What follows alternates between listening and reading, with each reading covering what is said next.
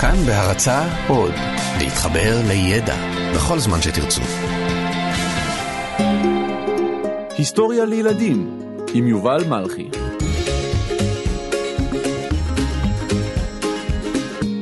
פרק מספר 11 ליאונרדו דה וינצ'י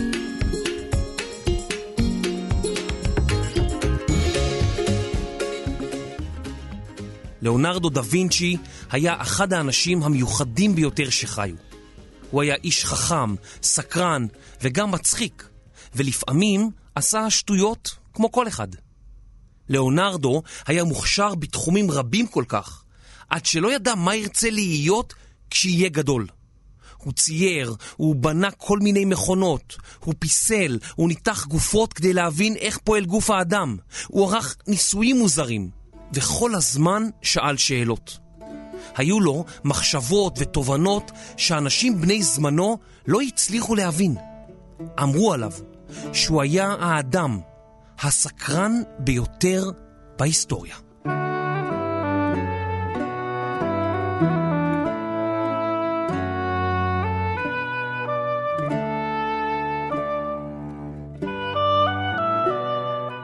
ליאונרדו דה וינצ'י נולד באיטליה לפני 500 שנה, בערך, כשעוד לא היו מכוניות, רכבות, חשמל, וודאי לא טלוויזיה, טלפון, אינטרנט או אייפד.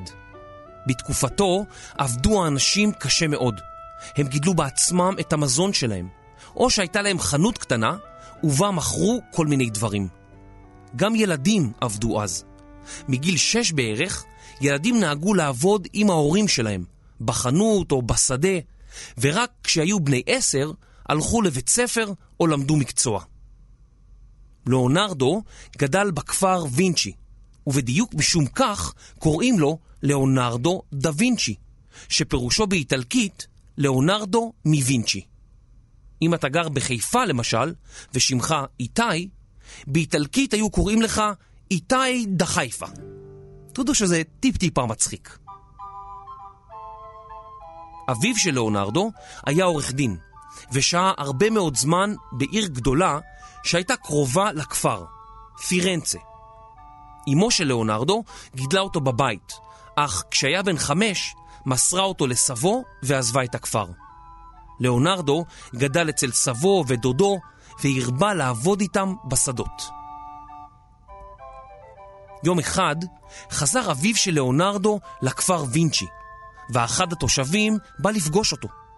האיש ביקש מאביו של ליאונרדו לקחת מגן מעץ לפירנצה, כדי שמישהו יצייר עליו ציור יפה. כמעט לכל אחד היו אז בבית מגן וחרב, והיו נוהגים לקשט אותם. אביו של ליאונרדו, שידע שליאונרדו אוהב לצייר, שאל אותו אם הוא רוצה לנסות לצייר על המגן. ליאונרדו התלהב, חטף את המגן ורץ איתו החוצה לאסם. ליאונרדו רצה לצייר משהו מיוחד על המגן, כדי שאביו יראה ויהיה גאה בו. הוא השקיע זמן רב בתכנון הציור, ואסף כל מיני חיות, חרדונים, לטאות, נחשים, חגבים ועטלפים. לבסוף צייר על המגן מפלצת יורקת אש, שחלקי הגוף שלה היו מורכבים מחלקי הגוף של כל החיות האלה יחד. ליאונרדו השאיר את הציור בחדר חשוך וסגר את הווילון. הוא קרא לאביו והכניסו לחדר, ואז בבת אחת הסיט את הווילון. לפתע נגלתה לאביו מפלצת יורקת אש. הוא נבהל, פלט צעקה וברח מהחדר. ליאונרדו התגלגל מצחוק, ואביו, אחרי שנרגע מהבהלה, הבין שליאונרדו מוכשר, ושכדאי שילמד ציור. כמו שאמרנו, ילדים בני 13 כבר היו עובדים ולומדים מלאכה בתקופה ההיא. ובאמת, גם אביו של ליאונרדו סידר לו עבודה, להתלמד אצל ורוקיו, צייר מפורסם שחי בפירנצה. ליאונרדו שמח מאוד על ההזדמנות, והחל לעבוד בחריצות. אצל ורוקיו עבדו מתלמדים רבים. הם עבדו בקומה התחתונה של בית המלאכה, וישנו בקומה העליונה, על מצע של קש. בתחילה עשה ליאונרדו את מה שהמתלמדים הצעירים עשו. הוא טיטה ושטף את הרצפה, ניקה מברשות ועשה כל מיני שליחויות. אט אט הוא החל להתקדם. הוא הרכיב מברשות שהיו מכינים משיער של חיות, סוס או גמל, הכין עפרונות פחם לציור, ערבב צבעים, ואפילו התחיל לצייר. כשורוקיו, המורה של ליאונרדו, ראה אותו מצייר, הוא נדהם, כי גילה לפתע שלאונרדו מוכשר מאוד. ורוקיו לימד את ליאונרדו איך להחזיק את המברשת בצורה נכונה, איך לצייר אור וצל בתמונה, וכל מיני טכניקות נוספות, כדי שהציור ייראה אמיתי ככל האפשר.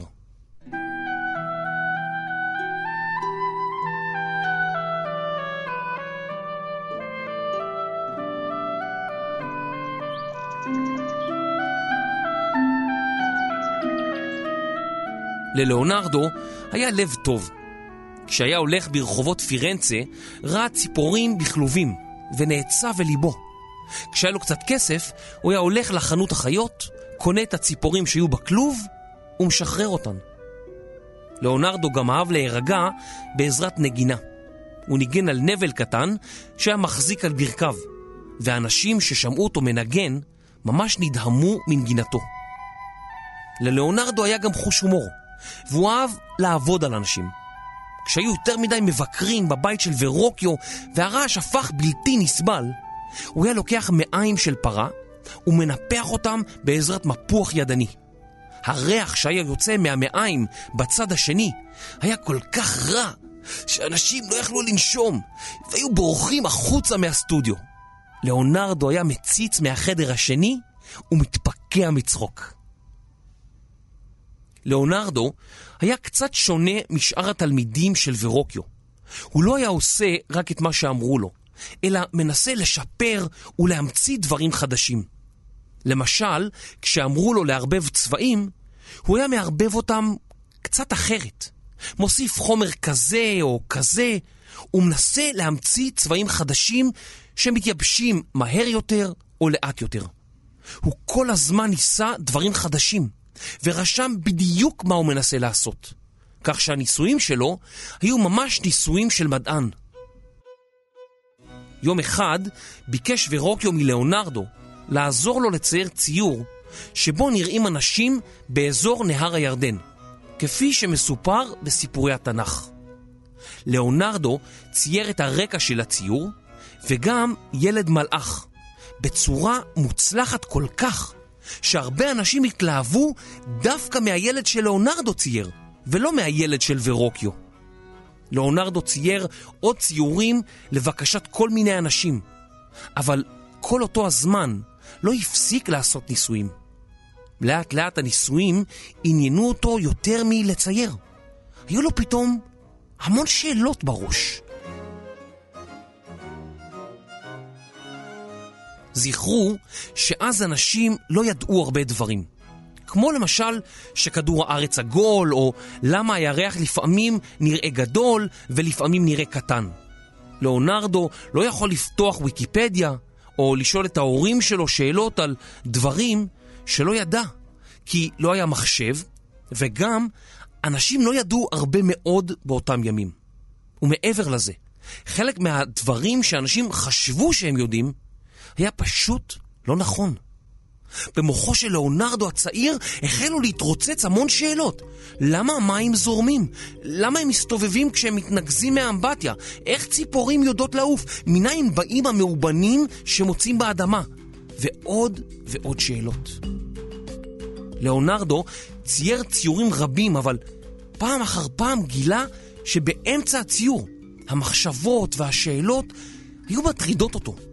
והוא היה פשוט מפסיק לצייר והולך לערוך כל מיני ניסויים. האנשים שחיכו שהוא יגמור את הציור ממש כעסו עליו. אבל לאונרדו המשיך לעשות ניסויים ולהמציא כל מיני מכשירים קטנים, כמו למשל מכשיר שמודד את הצעדים שאדם עושה. מעניין מה אתם הייתם עושים אילו הייתם ממש מוכשרים בציור, ורבים היו רוצים שתציירו בשבילם, אבל גם הייתם סקרנים מאוד, והרבה מאוד דברים היו מעסיקים אתכם. אתם חושבים שכמו לאונרדו הייתם עוזבים דברים באמצע? או שהייתם מנסים לשלב ציור וניסויים? קרה לכם פעם שמשהו עניין אתכם כל כך שלא יכולתם להפסיק לעשות אותו?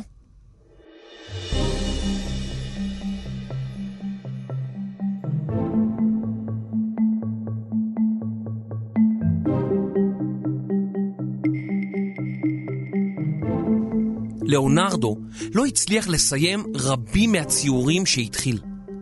יום אחד, לאחר ששוב לא הצליח לסיים ציור שהתחיל על קיר של כנסייה, הוא הבין שהאנשים בעיר שלו, פירנצה, חושבים שהוא עצלן. הוא החליט שהוא חייב לעבור לעיר אחרת, שבה אף אחד לא מכיר אותו. ככל שלאונרדו חשב על כך, הוא הבין שמעבר לעיר אחרת יאפשר לו להציג את עצמו אחרת. הוא יוכל לומר שהוא מדען ומהנדס שבונה מכונות, ולעשות את הניסויים הרבים שלו. באותם ימים, איטליה הייתה אוסף של ערים, שעל כל אחת מהן שלט מלך או דוכס. לאונרדו כתב מכתב למלך של עיר אחרת, בצפון איטליה, העיר מילאנו, וסיפר שהוא מדען שיודע להמציא הרבה מאוד דברים. לאחר שקרא את מכתבו, הזמין אותו מלך מילאנו לבוא ולהיות מדען ומהנדס אצלו. לאונרדו היה מאושר כל כך, שהוא בטח זמזם לעצמו כל מיני שירים בדרך מפירנצה למילאנו. אני מדען, אני ממציא, יש המון מחשבות בראשי. מפירנצה למילאנו אלך בעצמי, ושם אהיה מדען אמיתי, טודו בום, טודו בום, טודו בום בום בום בום בום בום בום טודו למלך של מילאנו קראו ספורצה. אבל כולם כינו אותו בשם מורו, שבאיטלקית פירושו הכהה, כי האור שלו היה שחום מאוד. המלך הטיל על לאונרדו משימות שלאונרדו אהב לעשות. אחת מהמשימות הייתה לעצב ולתפור תלבושות לשחקנים שהעלו הצגה בעיר. כדי שההצגה תהיה מעניינת, בנה לאונרדו במה מסתובבת, ובה מערכת של חבלים שגרמה לשחקנים להיראות כאילו הם עפים באוויר. במהלך ההצגה הם עפו ממש מעל ראשי הצופים העמומים. לאונרדו בנה גם הר געש קטן, שהתפרץ בעיצומה של ההצגה, וחומר דמוי לבה זרם מתוכו. כל מי שראה את ההצגה הזאת לא הפסיק לדבר עליה. היא הייתה הצגה וקרקס גם יחד. המלך היה מאושר מלאונרדו, ונתן לו רשות להתעסק במה שרצה.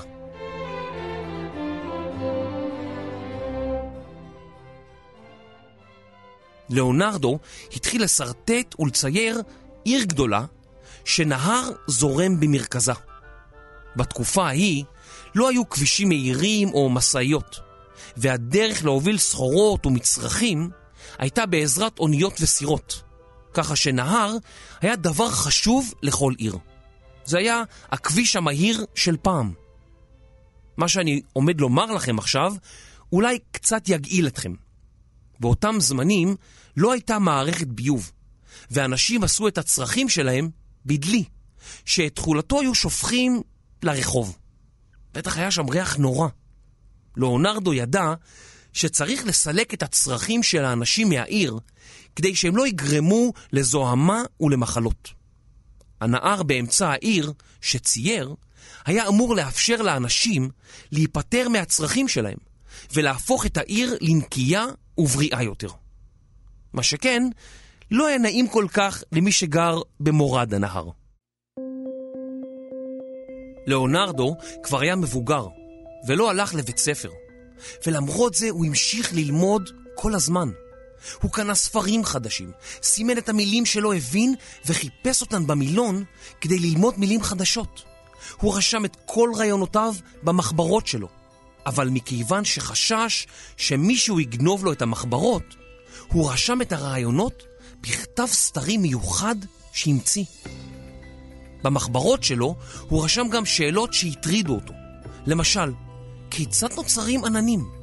מה גורם לעדים לעלות למעלה? למה יש ערפל? מדוע אנחנו מתעטשים? למה אנחנו מפהקים? למה אנחנו חולים? מה גורם לנו להיות רעבים? ועוד ועוד. קן קלארק, שהיה היסטוריון של האומנות, כתב פעם כי לאונרדו היה האדם הסקרן ביותר בהיסטוריה. הוא רצה לדעת הכל. כשהיה במילאנו, ליאונרדו רצה לעשות משהו שיגרום לאנשים לזכור תמיד כמה הוא מוכשר. הוא תכנן פסל של סוס ענקי, שהיה אמור להיות עשוי מברונזה, ארד בעברית. הסוס של ליאונרדו היה אמור להיות בגובה של בניין בין ארבע קומות. לפני שלאונרדו התחיל בעבודה על הפסל, הוא רצה להבין איך סוס רץ, איך הוא הולך ואיך הוא מתנהג. לאונרדו בילה זמן רב באורוות המלכותיות. ישב ימים שלמים והתבונן בסוסים. רשם וצייר אותם על דפים. וכך למד כל דבר אפשרי על מבנה גופו והבעותיו של הסוס. לפני שלאונרדו ניגש לבנות את סוס הארד, הוא בנה דגם עצום של הסוס מחומר, מה שאנחנו קוראים לפעמים בטעות חימר. המלך, שראה את הפסל הענקי, התרגש שיש לו פסל עצום שכזה, והזמין את כל החברים שלו לארמון לראותו. כשסיים את הפסל העשוי חומר, החל לאונרדו לאסוף ארד, ושם אותו במחסנים. הארד היה יקר, ולאונרדו היה זקוק להרבה מאוד ארד בשביל סוסו. קצת לפני שהיה מוכן להתחיל ביצירת סוס הארד, יצא המלך של מילאנו למלחמה, ולקח ללאונרדו את כל הארד בשביל לבנות ממנו תותחים. לאונרדו היה עצוב מאוד, כי ידע שכנראה לא יוכל לבנות את הסוס לעולם. לפני כמה שנים בנו אנשים שרצו לראות את סוס הארד של לאונרדו, מודל אמיתי של הסוס, מארד, לפי התכנון של לאונרדו. חפשו בגוגל תמונות הסוס של לאונרדו, ותראו בעצמכם כמה הפסל מרשים. כמו שכבר אמרנו, לאונרדו המשיך גם לערוך ניסויים. למשל, ניסוי הזבוב והדבש. אנשים שדיברו על זבובים אמרו שצליל הבז שהם משמיעים יוצא מהפה שלהם. לאונרדו תפס כמה זבובים ומרח שכבה דקה מאוד של דבש על הכנפיים שלהם.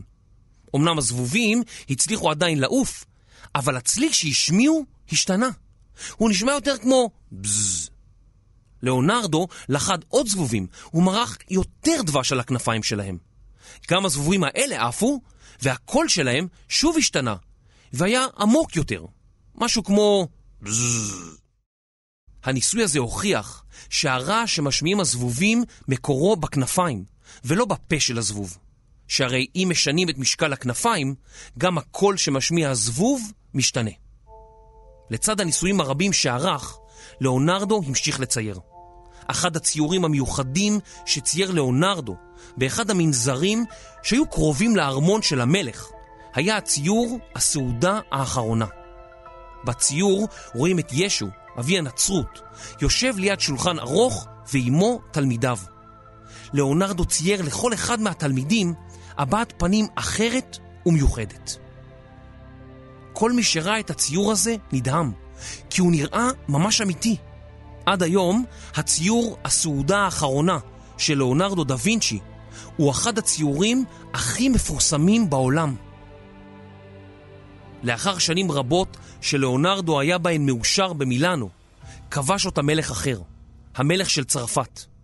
לאונרדו לא רצה להיות בלב הקרבות של מילאנו וצרפת, ולכן ארז את חפציו וחזר לפירנצה.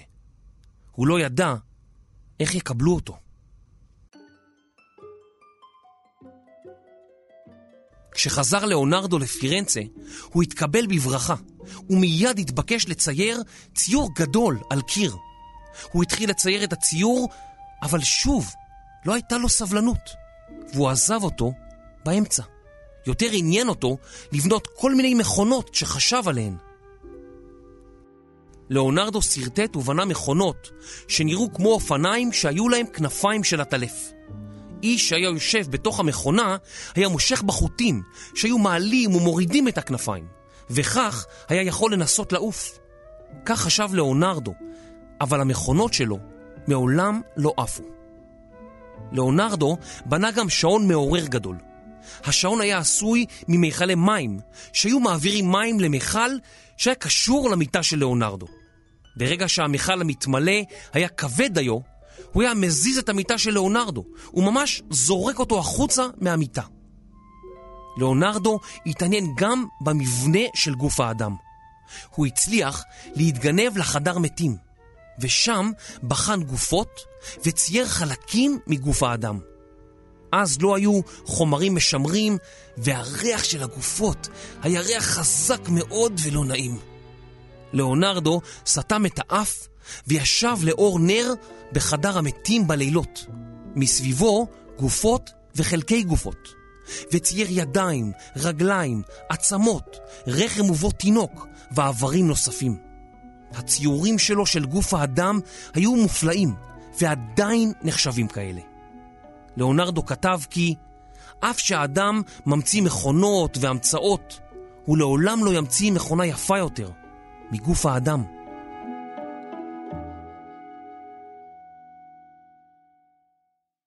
באותה תקופה בפירנצה צייר ליאונרדו אישה, שהייתה אשתו של סוחר עשיר, ושמה מונה ליזה. אחד הדברים המיוחדים בציור הוא חיוכה של מונה ליזה. אז לא היו מצלמות או תמונות, ואנשים היו צריכים לשבת במשך שעות ארוכות מול צייר כדי שיציירו אותם. זה היה כל כך משעמם, עד שהיה להם על הפנים מעין מבט שאמר, כמה זמן אני עוד צריך לשבת כאן? יש לי פיפי, אני עייף, אני רוצה לקום. ללאונרדו היה רעיון. הוא הביא נגנים וזמרים, ואפילו ליצנים, כדי שיצחיקו את מונליזה. וכך צייר את החיוך שלה. באותה עת, אנשים לא הקפידו על היגיינת שיניים, ושיניהם היו לעיתים שחורות, רקובות או חסרות. יש מומחים הטוענים כי למונה ליזה לא היו שיניים יפות במיוחד, ובציור אפשר לראות שהיא מתאמצת שלא לפתוח את הפה. נו, ליאונרדו, מתי מסיימים? ליאונרדו, אני חייבת פיפי, נו דחוף, ליאונרדו, שחרר אותי. הציור נראה כה אמיתי ומיוחד, עד כי הוא הפך לאחד הציורים המפורסמים ביותר בעולם, אם לא הכי מפורסם. אם תסתכלו על הציור, תוכלו לראות עוד שעיניה של מונה ליזה מסתכלות עליכם. כל הזמן, גם אם אתם זזים מצד לצד. מנהיגי העיר פירנצה רצו שלאונרדו יצייר להם ציור מיוחד בבניין העירייה. ואפילו קראו לעוד צייר ופסל מפורסם, מיקאל אנג'לו, שיצייר גם הוא ציור על הקיר ממול. שני הציירים עבדו וציירו זה מול זה, והפכו ליריבים ממש. אבל עד מהרה הוזמן מיקאל אנג'לו אל האפיפיור, ולאונרדו רצה לנסוע שוב למילאנו. משני הציורים המדהימים לא נשאר כלום, ובמשך השנים הם נגנבו, נעלמו או נמחקו.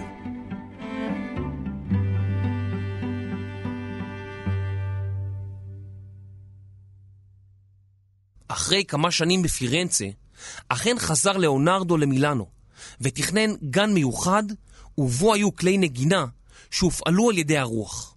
מתזים שהיו אמורים להיות מוחבאים בין הצמחים, היו אמורים להתיז על המבקרים. אבל ליאונרדו מעולם לא בנה את הגן הזה. הוא פשוט לא הספיק. ליאונרדו תכנן המון דברים שהוא לא הספיק לבנות בחייו. למשל, מצנח, מנופים, נעליים שהיה אפשר ללכת בהן על מים, חליפת צלילה, סוג של כיסא שהיה בורג מעליו, הדומה להליקופטר של ימינו, ואפילו רכב שאפשר היה להסיע בעזרת ידיות שהזיזו את הגלגלים שלו, ונסע בכוחות עצמו, בלי סוסים שמושכים אותו. לאחר מכן הוסיף לאונרדו לתכנון גם כיסוי מברזל ותותח, ויצר כך את הדגם של הטנק הראשון בעולם. עם זה, לאונרדו הספיק לבנות דברים אחרים, למשל רובוט. הוא לקח שריון של אביר ובנה בתוכו מערכת שלמה של חבלים, גלגלי שיניים וקפיצים. החבלים יצאו מגב הרובוט, והאדם שעמד הרחק מהרובוט יכול היה לשלוט בתנועות שלו. הרובוט היה יכול לפתוח ולסגור את הפה שלו, לעמוד, לשבת, לנופף בידיים ולהזיז את הראש. לאנשים באותה התקופה זה היה פלא מדהים.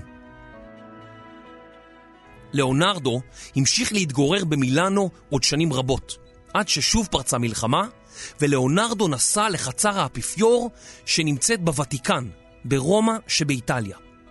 האפיפיור העסיק את ליאונרדו כצייר, אבל התרגז על שהיה איטי בכל דבר שעשה. ליאונרדו היה עסוק בחישובים, בניסויים ובכל מיני מחשבות, רק לא בציור. כשהיה בחצר האפיפיור, לחד ליאונרדו לטאה גדולה. הדביק לה כנפיים, זקן וקרניים, וצבע אותה בצבע כסף.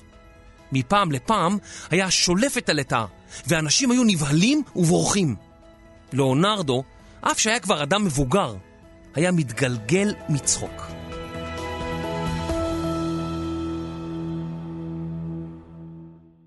לאחר כמה שנים אצל האפיפיור, הוזמן ליאונרדו לחצר מלך צרפת, והוא קיבל ברצון את ההזמנה. הוא כבר היה איש מבוגר באותה תקופה, ומלך צרפת העריץ אותו. הם היו נפגשים ומדברים על הרבה מאוד דברים. ומלך צרפת אמר כי עוד לא נולד אדם שידע כל כך הרבה כמו ליאונרדו. המלך העניק לליאונרדו את התואר צייר ראשי, מהנדס וארכיטקט של מלך צרפת. בריאותו של ליאונרדו הלכה והידרדרה, ובשנת 1519, בן 67, הוא הלך לעולמו. כשמלך צרפת קיבל את הבשורה, הוא בכה מצער.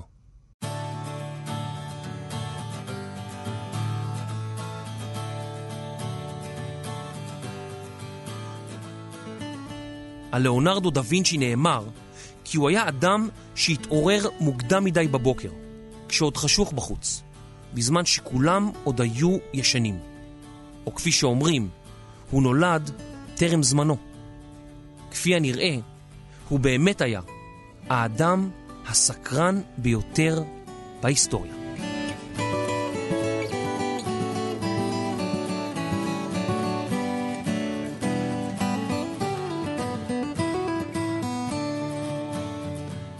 אני כתבתי וקריינתי. עריכת לשון וחיריקים, סמדר כהן. הקלטה ועריכה, דימה קרנצוב. הפיקו אייל שינדלר ורני שחר. תודה לכל מי שהשתתף בהכנת הפרק, ותודה לכם שהאזנתם. אני יובל מלכי. היסטוריה לילדים.